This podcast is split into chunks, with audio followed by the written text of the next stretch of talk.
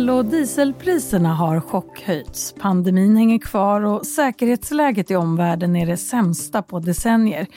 Ja, det här är tre kriser som har dominerat den svenska debatten den senaste tiden. Nu rustar partierna för val och i dagens Studio DN tittar vi närmare på frågan om kriserna kan avgöra vem som får bilda regering i höst. Välkommen, jag heter Ylke Holago.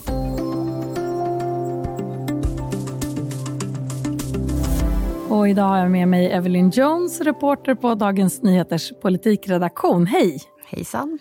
Du har skrivit en artikel om hur aktuella kriser påverkar svensk politik och opinionen inför valet i höst. Och även om restriktionerna nu är borta och pandemin ser ut att dämpas så är det ett turbulent år för val. Jag ska dra några exempel här. Säkerhetsläget i närområdet kan vara det värsta på decennier. Vi har coronakrisen då som har pågått i två år. Elpriserna har skjutit i höjden och så har vi bränsleprischocken ovanpå det och det engagerar ju både gräsrötter och politiker.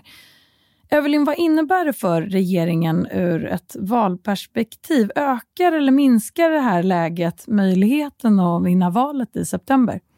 Ja, det här är ju en, det är ju det är massa olika kriser som pågår samtidigt och framförallt när det kommer till pandemin så är det inte någonting som vi har upplevt för väldigt lång tid. Den är liksom unik kan man ändå säga. Eh, men det finns ändå, forskarna har ju tittat på lite olika parametrar som skulle kunna påverka och eh, en av dem är ju då eh, svininfluensan i Mexiko. Där man, där, det var ju mycket, mycket mindre än vad coronakrisen är.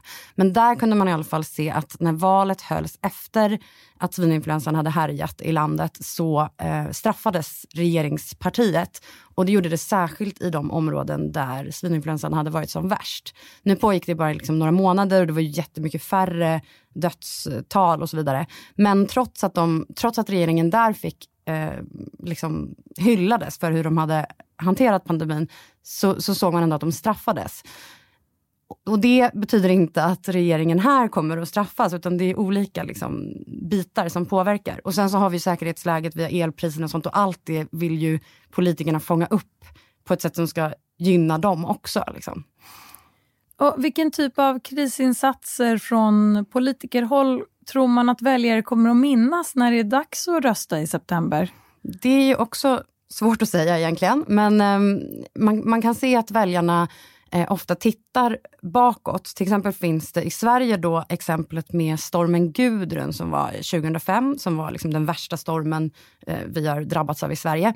Eh, och där kunde man se att den regeringen som satt då, de bestämde sig för att säga att men det här är liksom inte vårt problem att eh, hjälpa de drabbade, utan det är försäkringsbolaget. Så har du skog som har Eh, raserats så är det försäkringsbolaget som ska hjälpa dig. Och det visade sig också verkligen göra att väljarna eh, ja, men då straffade regeringen i de områden där de hade blivit hårt drabbade. Men under corona istället så har man ju liksom öst pengar på stödåtgärder för massa olika branscher. Eh, nu på senare tid så har man ju också till exempel när det kommer till energipriserna beslutat att ge bidrag till de som blir värst drabbade av att det är höga energipriser.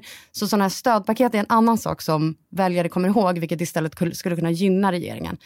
Um, ja, så det, det, finns olika parametrar, får man säga. Men hur tror experterna utifrån sin forskning att eh, väljarna kommer att agera utifrån det här minnet av pandemistöd och kompensation för höga elräkningar? Ja, alltså det är det som då talar till regeringens fördel. Att är det det folk minns så, så kommer ju det i sådana fall gynna eh, de som sitter i regeringen, alltså Socialdemokraterna. Eh, men är det istället liksom det här eh, ja, men det jobbiga med att det har varit en pandemi och att man inte tycker att regeringen har eh, varit tillräckligt bra på att hantera den, så kommer det ju vara det eh, man minns istället. Så det är lite oklart. Men sjukvård och frågor kring trygghet och gängkriminalitet har ju på olika sätt stått i fokus för debatten de senaste åren. Vilka partier lyckas lyckas profilera sig kring de här väldigt viktiga frågorna? Eh, det som man har sett är ju, om, om man nu tänker på coronakrisen igen, så har ju den gjort att sjukvården har kommit upp som en, det, det är ofta en viktig fråga, men det kanske blev liksom ännu mer fokus på sjukvården. Och där kan Socialdemokraterna Eh, det kan vara ganska bra för Socialdemokraterna eftersom att de ofta äger frågan om, om sjukvården som liksom en sakfråga. Medan till exempel Moderaterna istället äger frågan om lag och ordning som ju också har varit en fråga som har varit extremt viktig för väljarna och som Moderaterna då menar är en kris som man också borde kalla för en kris. Vi ska ta en kort paus och sen prata vidare om just det här och om de viktigaste valfrågorna och hur riksdagspartierna lyckas med att lyfta fram dem.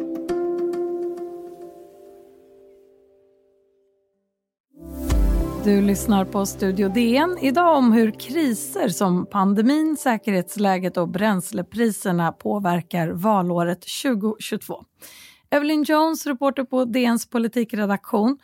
Du skriver i din artikel på det här ämnet att enligt DN Ipsos i oktober förra året så tycker flest väljare, alltså 25 procent, att Moderaterna har den bästa politiken när det kommer till brott och straff. Och Det är också den fråga som väljarna rankar som den viktigaste.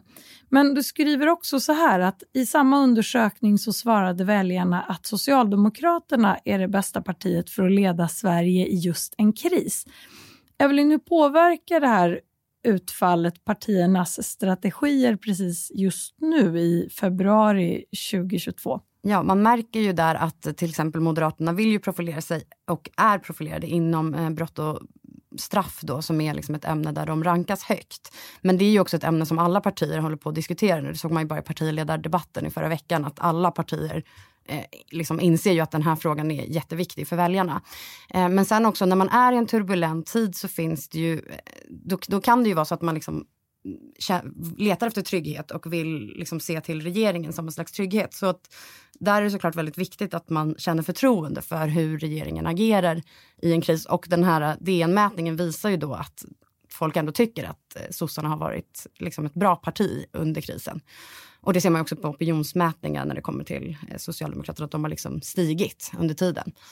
När det gäller brott och straff och de olika åtgärder som respektive parti föreslår, vilken linje är det som verkar mest populär hos väljarna just nu? Är det den hårda, ja, hårdare strafflinjen eller mer till exempel Vänsterpartiets linje? De pratar ju oftare om sociala faktorer och, och för in frågan den vägen istället. Vad är det som verkar funka bäst just nu? Eh, det, det, man kan se är ju att alla partier egentligen, till exempel under partiledardebatter och sånt, eh, pratar om liksom, höjda straff. Det, liksom, tonläget är ju lite på den sidan mer än liksom, på sociala åtgärder och sånt. Även ifall väl de flesta är överens om att det både, både och behövs. Liksom. Och en annan sak som har förändrats nu i takt med att pandemin tycks dämpas, det är att eh, man det här valåret kommer kunna vara ute och kampanja igen, ut på vägarna. Hur förhåller sig partiets för, partiföreträdarna till just den eh, nygamla aspekten då, som ger helt nya möjligheter att möta väljare? Jag tror att många är väldigt glada över det. Alltså, man vill ju möta folk snarare än liksom att behöva bedriva en valrörelse bakom en, en skärm hade väl kanske inte varit lika populärt. Eh, nu pratade jag med Socialdemokraternas partisekreterare som var extremt taggad på att komma ut igen och Moderaternas eh, partiledare är ute just nu. Eh, så att jag, det, det, känns ju som att här, restriktionerna släpper, varelsen drar igång och det finns en väldigt stor liksom, pepp inom de flesta partierna.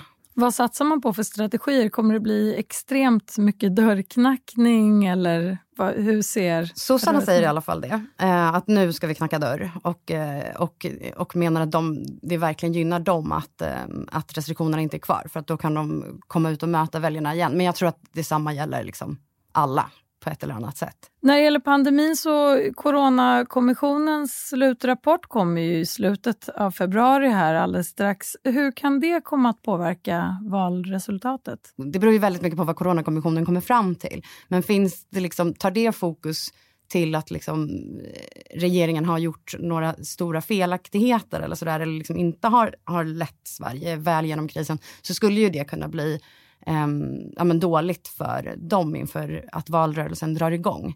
Eh, så att vad, det beror ju jättemycket på vad de kommer fram till. Men det är ju liksom, vissa andra partier eh, ser ju det som att så här, det här kan verkligen, eh, snarare än att eh, Socialdemokraterna skulle gynnas av att de har lett landet under en pandemi, så skulle de kunna missgynnas av att Coronakommissionen kommer fram till att de har gjort någonting fel. Du jobbar ju på politikredaktionen. Har du några indikationer? Vad glunkas det om mellan skål och vägg? Äh, ja, nej, men jag vet, jag vet faktiskt inte. Det Coronakommissionen, den, den kommer ju om den 25 februari, så det är väl, de har väl försökt hålla ganska mycket på, um, på det fram tills dess. Liksom. Så det är väl då man får veta. Så du har ingen inside alls? Nej. Du får återkomma när ja. rapporten är släppt. Sverigedemokraterna är ett parti som har fått se sitt stöd dala under pandemin. I SCBs partisympatiundersökning i november 2019 så hade ju partiet 22,6 procent.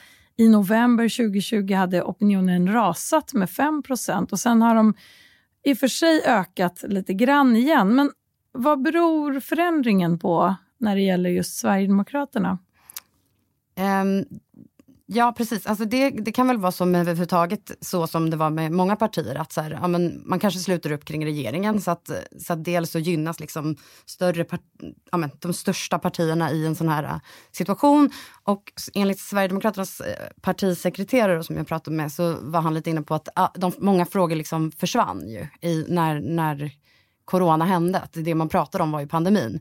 Vilket ju inte var orimligt men att det blev kanske ett problem för Eh, de som har andra profilfrågor som då man liksom inte eh, ja, brydde sig så mycket om under en period. Eh, och sen också att överhuvudtaget så missgynnades kanske små partier där i början för det är liksom inte de man vänder sig till i just den akuta situationen.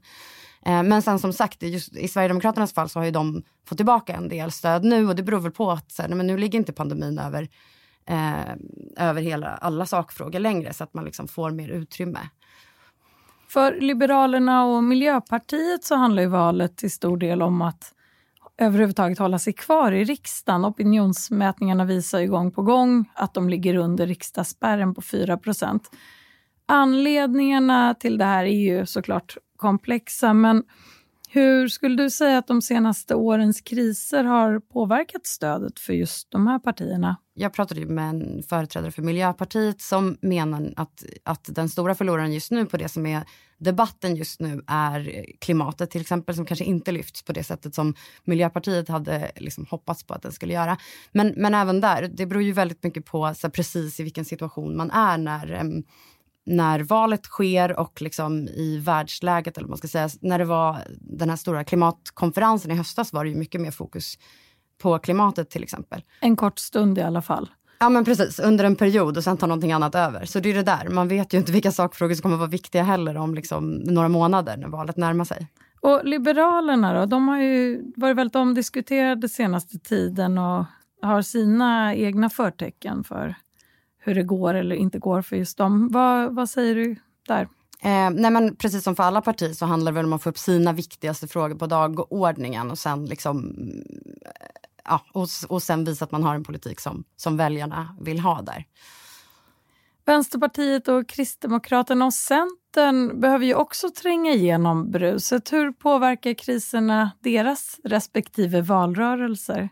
Ja, alltså Kristdemokraterna till exempel, de, de fokuserar ju ganska mycket också på sjukvården. Um, så att där eh, är det, är det, väl bra för dem också ifall, ifall det blir en viktig valfråga. Uh, och sen Vänsterpartiet och Centerpartiet försöker också återigen profilera sig på de frågorna som de um, liksom tycker är, är de viktigaste och bästa för att de ska kunna nå ut till väljarna. Um, så det liksom överhuvudtaget så handlar det om att försöka framea eh, liksom dagordningen på något sätt. Eh, utifrån det läget som vi är i nu och sen ifall det är liksom inhemska frågor eller om det är de här mer så här, säkerhetsläget och utrikespolitiska och globala frågorna. Det återstår ju att se vad väljarna kommer tycka liksom är viktigast. Men det som många är överens om är att liksom valrörelsen drar igång. Det kommer ju bli spetsigare och det kommer liksom bli tuffare i debatterna eh, nu, nu när det närmar sig val. För att alla är ju på hugget. Liksom. Och vad pratar vi om för period? När kommer det här spetsiga läget att Ja, men det inledas. Kanske, ja, men det, det har väl redan lite börjat med partiledardebatter och så vidare. Men sen är det väl liksom, ja men bara ju närmare vi kommer, desto mer kommer ju partierna vilja höra oss, höras och synas. Så avslutningsvis, vad säger valforskarna om hur kriserna påverkar valresultatet? Kommer kriserna att överskugga allt eller kommer kriserna att hamna i skymundan till förmån för andra frågor? Men som sagt, det beror ju verkligen helt på vad som händer. Nu är vi liksom, känns det som att vi är ute ur pandemin for now, men det är ju vet vi inte vad som kommer hända om några månader. Vi vet inte hur världsläget kommer se ut liksom ens om några dagar. Vi vet inte vad som kommer hända med energipriser eller om det kommer bli liksom en jättestor klimatdebatt. Eh, men, men det som eh, Jonas Himfors, då, till exempel, som är professor i statsvetenskap vid Göteborgs universitet säger att, är att för de flesta partier så är det nog rimligt att försöka släppa pandemin och inte prata så mycket om den. För att då är det folk kommer komma ihåg just det här med att eh, regeringen liksom gav mycket stödåtgärder och sånt där. Så att, att den glöms bort kanske gynnar andra partier än regeringspartiet. Och andra sakfrågor. Exakt. Tack så jättemycket Evelyn Jones, reporter på Dagens Nyheters politikredaktion. Tackar. Om du vill kontakta oss så går det bra att mejla till studiodn dn.se. Och kom ihåg att prenumerera på Studio DN där du lyssnar på poddar så missar du inga avsnitt. Studio DN görs för Podplay av producent Sabina Marmelakai, ljudtekniker Patrik Misenberger, teknik Oliver Bergman på Bauer Media och jag heter Ylky Holago.